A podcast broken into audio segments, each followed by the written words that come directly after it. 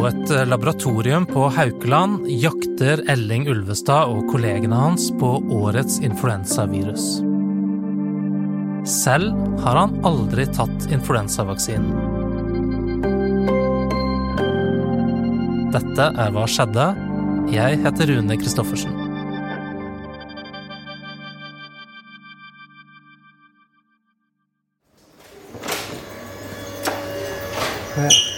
Hei. Takk.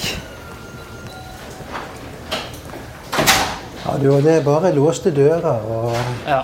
og over en lav sko, så Jeg er med Elling Ulvestad. Vi går gjennom snirklete korridorer, opp noen trapper og over en glassbro. Vi er på vei fra sentralblokken på Haukeland til laboratoriebygget der han jobber. Her er det store glassfasader og høyt og luftig under taket. Det er ingen pasienter å se, men i gangene haster det ansatte med flagrende hvite frakker forbi. Andre sitter bøyd over kjemiske væsker og analysemaskiner. Ting som gir gruff i halsen til bergenserne, ender ofte opp her i laben hos Elling. Rinovirus, altså et vanlig forkjølelsesvirus. Adenovirus er et annet virus som gir forkjølelsessymptomer.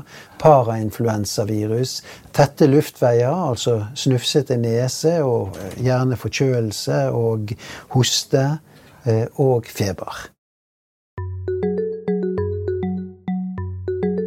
I 25 år har Elling ledet mikrobiologisk avdeling på Haukeland. Han er professor i medisin og ekspert på menneskers immunsystem. Siden mars i fjor har de jobbet på spreng for å analysere koronaprøver. Sist jeg var her, sto det kasse på kasse med utstyr stablet opp etter veggene. Nå begynner ting å roe seg. Vi er nesten fremme ved kontoret der Elling holder til. I fellesområdet har noen hengt opp store ballonger som er formet som tall. Det er ikke fordi noen har bursdag. 100 000 Nei, hva står det? En million? En million, ja. Ja, hva er det, da? Nei, det er, det er Vi begynner å nærme oss det med koronatester. Å ja. Ja. Så bare nett se her hva statistikken i dag viser. Da er vi på ja, 990 000 har vi kommet til nå. Her, her, er- disse blå søylene er jo prøve, prøvemengden. Men du ser her, så falt det enormt, eh, disse blå antall per uke.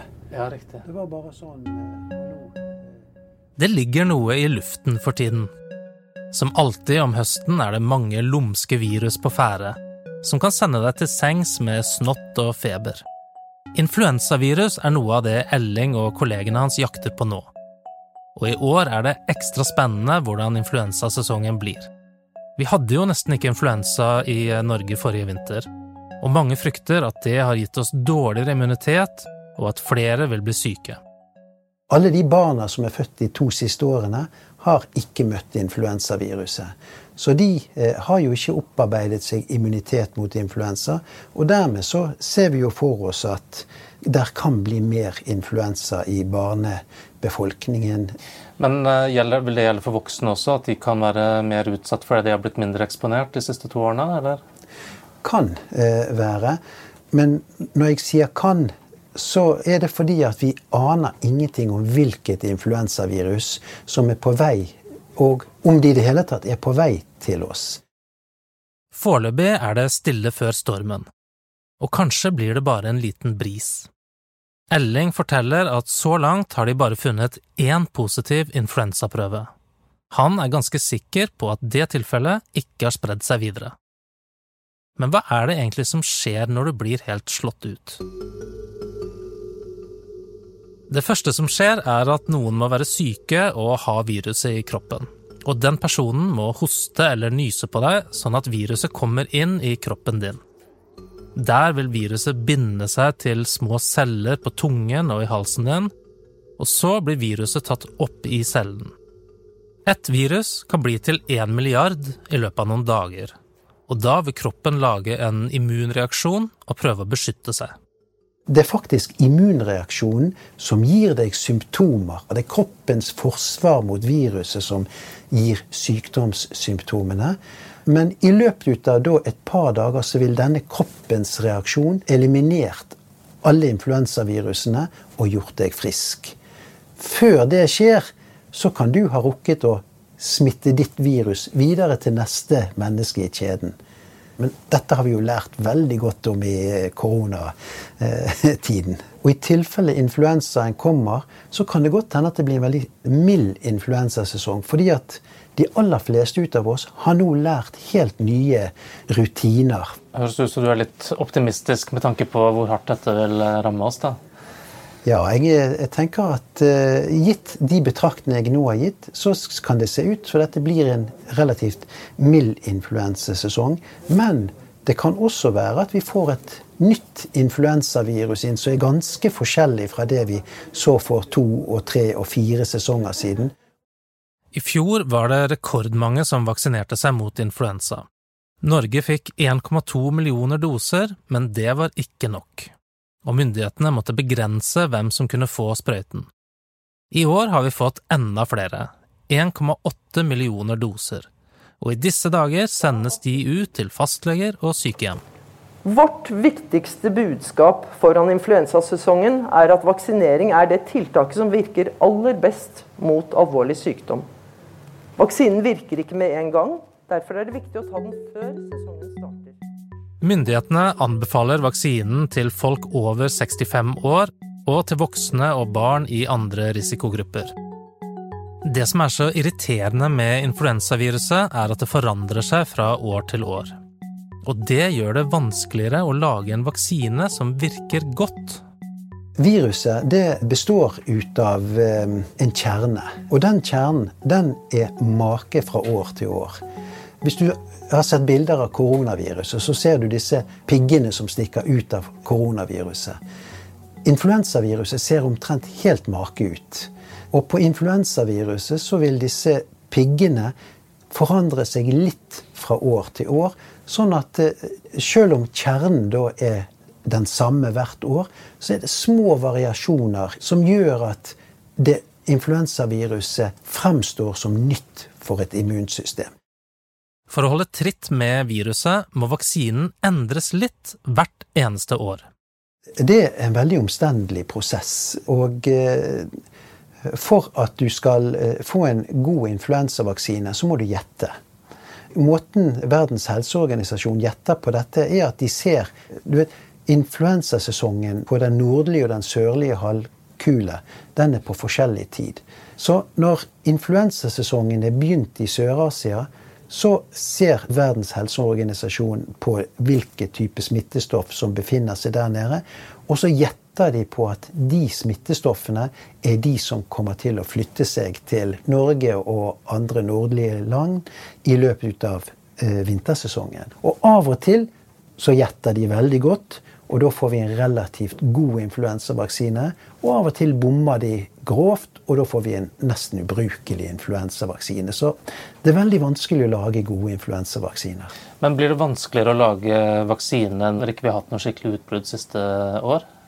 Ja, dette året her er det vanskelig å lage en god vaksine. Fordi at vi tidligere år har vi bygd på erfaring. Langt tilbake igjen til, til før eh, andre verdenskrig så har vi hatt denne tilnærming til å forstå influensabevegelser. I år er det mye mer gjetting enn det har vært tidligere. Jeg spør Elling om han mener at folk som ikke er i risikogruppene, bør ta vaksinen, for sikkerhets skyld. Det er jo ikke tilstrekkelig med vaksiner til alle hvis vi skulle vaksinert på samme måte som vi gjør eh, mot korona. Eh, det er det ene. Det andre er at det er en grunn til at helsemyndighetene anbefaler mennesker i risikogruppene til å vaksinere seg.